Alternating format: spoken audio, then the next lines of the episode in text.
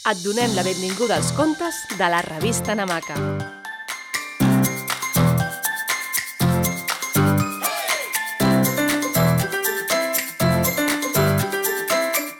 Avui t'explicarem el conte Winnipeg.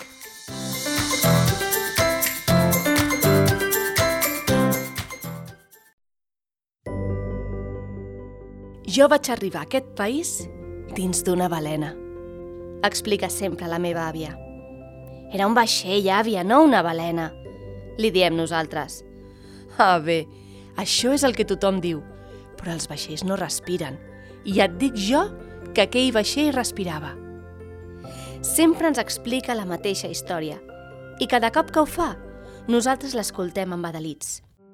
Ella va néixer a Catalunya i va arribar aquí a Xile quan era petita. El seu país havia esclatat una guerra i va haver de marxar a França, on van viure en un camp de refugiats. A mi em van separar de les meves arrels i de la meva terra a poc a poc, com es desenganxa una tireta de la pell. Quin mal que fa. Però mica en mica em vaig anar acostumant a viure amb aquesta cicatriu. Diu sempre mentre assenyala el cor. Va ser allà, a França, on van pujar la balena, com l'anomena ella. Ens van dir que un poeta molt important ens faria una entrevista per decidir si podíem pujar al vaixell o no. Així que, quan ens va arribar el torn, vaig voler recitar un poema i vaig dir «Plou poc, però pel poc que plou, plou prou».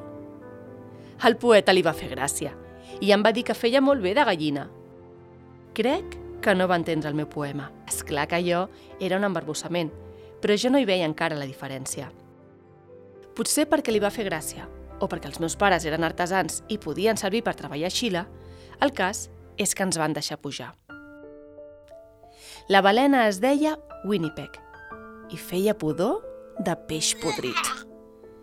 Segons ens deien, podia transportar unes 100 persones, però nosaltres érem 2.200. Així que podeu imaginar com anàvem. Allà on fossis hi trobaves gent, nens, nenes, dones que lletaven nadons, homes que feien feines. Algunes persones llegien, d'altres escrivien i d'altres miraven al mar. Però tothom es preguntava com serà aquest nou país? Jo no tenia ni idea d'on situar-lo en un mapa. Imaginava que el viatge s'acabaria quan arribéssim a l'horitzó, on hi trobaríem una paret i després un camí que ens portaria al lloc on ens quedaríem. Dormíem als budells de la balena, en uns llits de fusta, els uns al costat dels altres. La sentia roncar.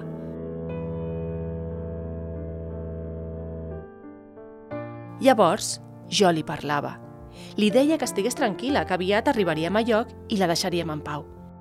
Li donava les gràcies per l'esforç i ja de pas li explicava històries que m'inventava i que mai no acabava perquè em quedava dormida. Vam estar així 30 dies, fins que vam veure de lluny unes estrelles que semblaven estar arran de terra. Llavors, algú va dir «Hem arribat!» Jo no entenia com aquelles estrelles havien pogut caure del cel, fins que vaig comprendre que eren les llums del port. No hi havia cap paret, ni cap camí. Només unes muntanyetes i un munt de gent que cantava per donar-los la benvinguda des de les taulades de les cases i des de sobre dels cotxes.